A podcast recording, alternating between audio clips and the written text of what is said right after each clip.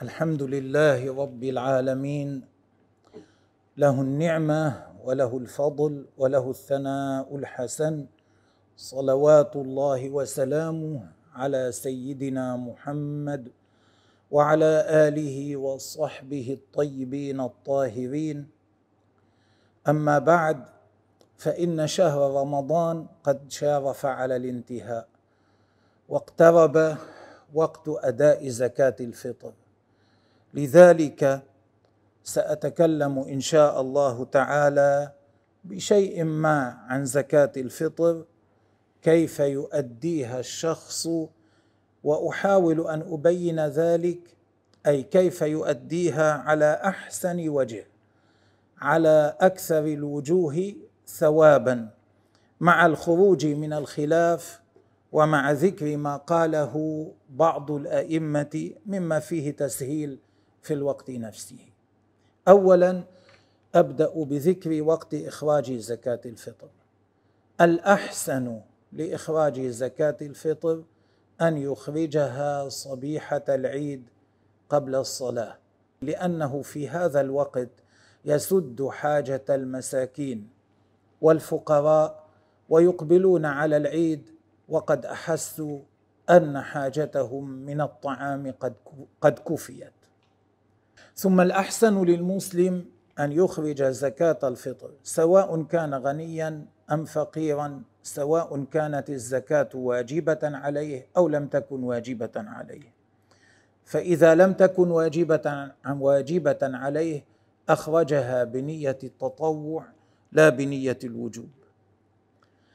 وتجب زكاة الفطر على الشخص إذا أدرك جزءا من رمضان وجزءا من شوال ما معناه؟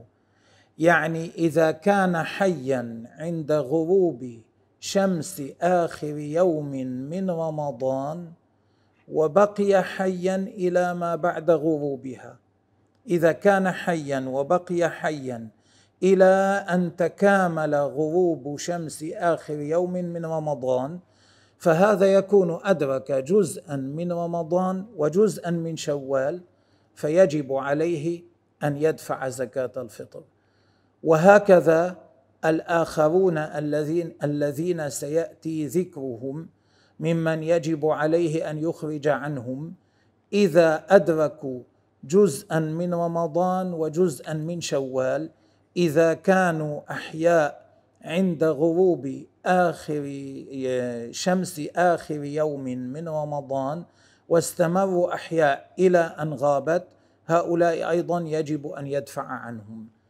معناه إذا ولد له ولد في آخر يوم من رمضان لكن مات قبل غروب شمس آخر يوم من رمضان ليس عليه أن يدفع عنه زكاة الفطر. إذا ولد له ولد بعد أن غربت شمس آخر يوم من رمضان ليس عليه أن يدفع عنه زكاة الفطر. إذا ولد له ولد قبل غروب الشمس بدقيقة واستمر حيا إلى ما بعد غروب الشمس فإنه يجب عليه أن يدفع عنه زكاة الفطر. هذا ما قاله الجمهور جمهور الأئمة. وعند الحنفية لا تجب زكاة الفطر إلا إذا أدرك طلوع الفجر من يوم عيد الفطر. ثم يجب على الإنسان أن يخرج زكاة الفطر عن نفسه وأن يخرجها عن عياله الذين يجب عليه الإنفاق عليهم. يعني أولاده غير البالغين الذكور والإناث إذا لم يكونوا أغنياء يجب عليه أن يخرج عنهم زكاة الفطر. وكذلك أولاده البالغون إذا كانوا إذا كانوا مجانين مثلا لا يستطيعون أن ينفقوا على أنفسهم ولا أن يكتسبوا نفقتهم. فإنه يجب عليه أن ينفق عليهم ويخرج عنهم زكاة الفطر. هذا إذا لم يكن لهم مال إذا كانوا فقراء. أما إذا كان لهم مال ولد صغير من أولاده له مال ورث هذا الولد ماتت أمه مثلا فورث منها. أو كان له مال من طريق آخر فكان هذا الولد غنيا. في هذه الحال وليه الذي هو الأب في المثال الذي ذكرناه يخرج عنه زكاة الفطر من ماله ولا يجب أن يخرجها الأب من ماله هو إنما يخرجها من مال الولد. أما أولاده البالغون غير المجانين عنده أولاد بالغون قادرون أن ينفقوا على أنفسهم ذكور وإناث فإنه لا يجب عليه أن يخرج عنهم زكاة الفطر. يعني إذا كان شخص عنده ولد هذا الولد سنه مثلا صار ست عشرة سنة سبع عشرة سنة إذا كان بلغ. البلوغ يكون للذكر بأحد أمرين برؤية المني أو ببلوغ سن الخامسة عشر قمرية. للأنثى بأحد ثلاثة أمور. برؤية المني أو برؤية دم الحيض أو ببلوغ سن الخامسة عشر قمرية أي واحد من هذين الأمرين أو هذه الأمور إذا حصل يكون الشخص قد بلغ على حسب كونه ذكرا أو أنثى. في هذه الحال إذا كان الولد بالغا يستطيع العمل فإنه لا يجب على الأب أن يخرج عنه زكاة الفطر حتى لو كان هذا الولد فقيرا. هذا الولد يكون حاله بالنسبة إلى هذا الأمر كحال أي فقير آخر. لا يجب على الأب أن يخرج عنه زكاة الفطر. فإن أراد أن يخرج عنهم لا بد أن يوكلوه بذلك. إذا أراد أن يخرج عن ولده الكبير ذكرا كان أو أنثى فلا بد أن يوكله الولد البالغ بإخراج الزكاة عنه. أما الزوجة فيخرج الزوج زكاتها إلا أن الحنفية لا يوجبون عليه ذلك. الحنفية يقولون لا يجب على الزوج أن يخرج زكاة الفطر عن زوجته هي تخرج عن نفسها. أما عند البقية فيجب على الزوج أن يخرج عن زوجته زكاة الفطر. وتجب عليه زكاة الفطر إذا كانت فاضلة زائدة عن دينه وكسوته ومسكنه وقوته وقوت من عليه نفقتهم يوم العيد وليلته. يعني ينظر هل عنده ما يكفي من الطعام لنفسه ولمن يجب عليه أن أن يطعمهم. يوم العيد وليلته ليلته التي بعده هنا يراد بها. إذا كان عنده ما يزيد عن ذلك وعنده زيادة عن دينه وعن كسوته وعن مسكنه وعن هذا القوت الذي ذكرناه عند ذلك تجب عليه زكاة الفطر. أما إذا كان ما عنده لا يكفي لهذا الذي ذكرناه فليست زكاة الفطر واجبة عليه ولا يجب عليه أن يقترض لإخراجها. لو كان يستطيع أن يقترض المال من غيره لا يجب عليه أن يقترض المال ليخرج زكاة الفطر. إلا عند المالكية.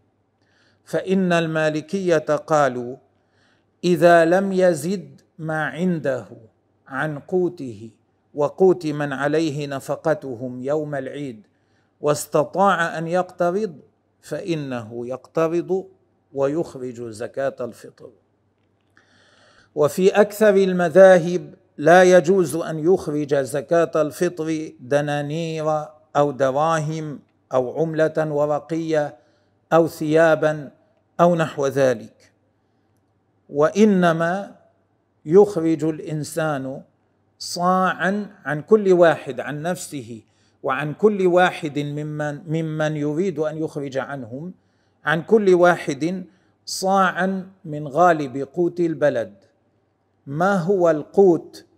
الطعام الأكل الذي يأكله أهل البلد لتقوم به أجسادهم. ما هو الغالب عليهم في أكله؟ يخرج منه. إذا كان غالب قوت البلد قمحا يخرج القمح.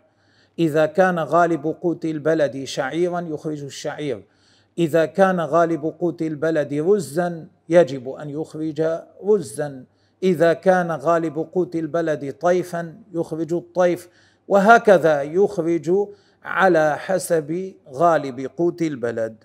فإذا فعل ذلك أجزأه وقع عنه مجزئا. في كل المذاهب إذا فعل ذلك وقع عنه مجزئا. والمقصود بالصاع لما بنقول الصاع ما هو المقصود بالصاع؟ المقصود بالصاع الصاع الحجازي. مقداره أربع حفنات بكفي رجل معتدل. حفنة هيك ممتلئة يغترف منه مقدار حفنة بكفي رجل معتدل ثم حفنه ثانية ثم ثالثة ثم رابعة. ما يكون مقدار أربع حفنات بكفي رجل يداه معتدلتان هذا هو الصاع الذي نقصده. فإذا الأمر مربوط بالحجم صاع حجم ليس وزنا لأن الوزن يختلف. وزن صاع التمر مختلف عن وزن صاع الشعير مختلف عن وزن صاع القمح مختلف عن وزن صاع الرز. اذا الأمر مربوط بالحجم. ما حجمه يوازي حجم أربع حفنات بكفي رجل معتدل اليدين. إذا تكلمنا عن القمح لعل وزن الصاع يكون قريبا من 1700 جراما من القمح. تقريبا يكون يقرب من 1700 جرام من القمح. هذا عند الجمهور. أما عند الإمام أبي حنيفة فالصاع ليس الصاع الحجازي إنما هو الصاع العراقي. والصاع العراقي أكبر من الصاع الحجازي. فإذا أراد أن يخرج الزكاة على حسب ما قال الإمام أبو حنيفة فإنه يخرج صاعا عراقيا أكثر من الصاع الحجازي. لكن إذا أراد أن يخرج قمحا كما هو الحال في بلدنا هذا غالب القوت في هذا البلد القمح فإنه عند ذلك يخرج نصف صاع يعني يخرج صاعا عند أبي حنيفة صاعا عراقيا إلا إذا أراد أن يخرج قمحا فيخرج نصف صاع. لعل نصف لعل نصف الصاع يكون وزنه قريبا ألفان ومائة وخمسون من الجرامات أكثر من كيلوين بشيء. فمن أراد أن يخرج من الخلاف الذي يريد أن تكون زكاته صحيحة بلا خلاف. يخرج الزكاة من غالب قوت البلد صاعا على الوجه الذي شرحناه ولا يخرج قيمة ذلك لا عملة ولا غيره. وهذا أحسن لأن زكاته عند ذلك تكون صحيحة عند كل الأئمة. لا يكون هناك خلاف في صحة زكاته. أما من أراد أن يدفع عملة ورقية فزكاته غير صحيحة عند الأغلب لكن تصح عند الإمام أبي حنيفة رضي الله عنه. ماذا يفعل؟ ينظر ما هي قيمة الصاع العراقي من الرز إذا أراد أن يخرج رزا؟ ما هي؟ وهذا يختلف من بلد إلى بلد. يختلف من مكان إلى مكان. فإذا ينظر ما هي قيمة الصاع العراقي من الرز؟ ما هي قيمة الصاع العراقي من الشعير أو الزبيب أو نحو ذلك؟ ما هي قيمة الصاع العراقي من آه، نصف الصاع العراقي من القمح؟ لأنه قلنا من القمح عند أبي حنيفة يدفع نصف الصاع. فإذا أراد أن يدفع عملة ورقية ينظر ألفان ومائة وخمسون جراما تقريبا ما قيمتها في السوق؟ فيدفع بقيمتها العملة. وعندما نقول ما قيمتها في السوق ماذا نقصد؟ نقصد بكم يباع القمح في البلد الذي هو يقيم فيه. وعندما نقول البلد ماذا نقصد؟ لا نقصد الدولة إنما نقصد المدينة أو القرية التي هو يسكنها. فقد يختلف السعر من مدينة إلى مدينة في الدولة الواحدة ومن ناحية إلى ناحية في الدولة الواحدة.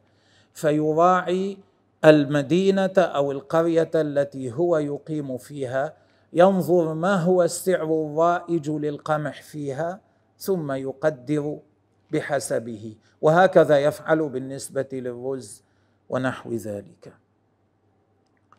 وليس النظر في القيمة إلى سعر الجملة إنما ينظر إلى السعر الرائج بين الناس في السوق بكم يشتري الناس هذا فيقدر بحسبه. ولا يشترط أن يكون القمح مقشورا كما شاع بين بعض الناس إنما يصح إخراج زكاة الفطر قمحا من غير أن يكون القمح مقشورا. ثم هل يصح أن يخرج زكاة الفطر في غير بلده؟ وأعيد التنبيه عندما أقول بلده لا أقصد دولته إنما أقصد المدينة التي هو يعيش فيها. إنسان يعيش في مدينة بيروت. هل يجوز له أن يخرج زكاة الفطر في طرابلس إنسان يعيش في مدينة القاهرة. هل يجوز له أن يخرج زكاة الفطر في الإسكندرية؟ هل يجوز للشخص أن يخرج زكاته في غير بلده أن ينقلها إلى غير بلده؟ الجواب أنه لا يجوز له ذلك ولا يصح. إذا أخرجها في غير بلده لم تصح منه الزكاة. لا يجوز له ذلك. نعم إذا فقد المستحقون لا يوجد في بلده مستحقون للزكاة.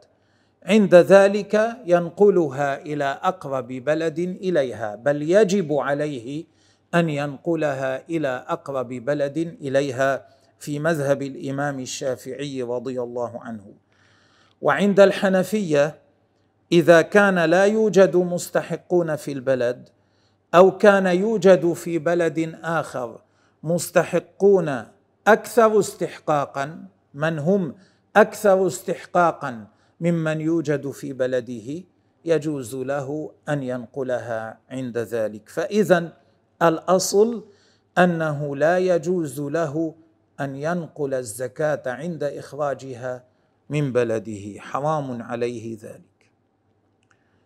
الخلاصة أن من أراد أن تكون زكاة فطره التي يخرجها صحيحة عند كل الأئمة فليخرجها قمحا أو غيره من غالب قوت البلد ولا يعطها إلا لمستحق ولا يعطها لأصل له لا يعطيها لأبيه ولا لأمه ولا لجده ولا لجدته ولا لفرع له لا يعطيها لابنه أو بنته أو ابن ابنه أو ابن بنته وهكذا أو ابن ابنه أو بنت بنته أو ما شابه لأن الإمام أبا حنيفة رضي الله عنه لا يسمح بدفع الزكاة لأصله ولا لفرعه. فمن كان يخرج زكاته سواء كانت زكاة العملة أو كانت زكاة الفطر على حسب المذهب الحنفي فعليه أن يتنبه لذلك. لا يجوز له أن يعطي منها أصله ولو كان فقيرا ولا فرعه ولو كان فقيرا.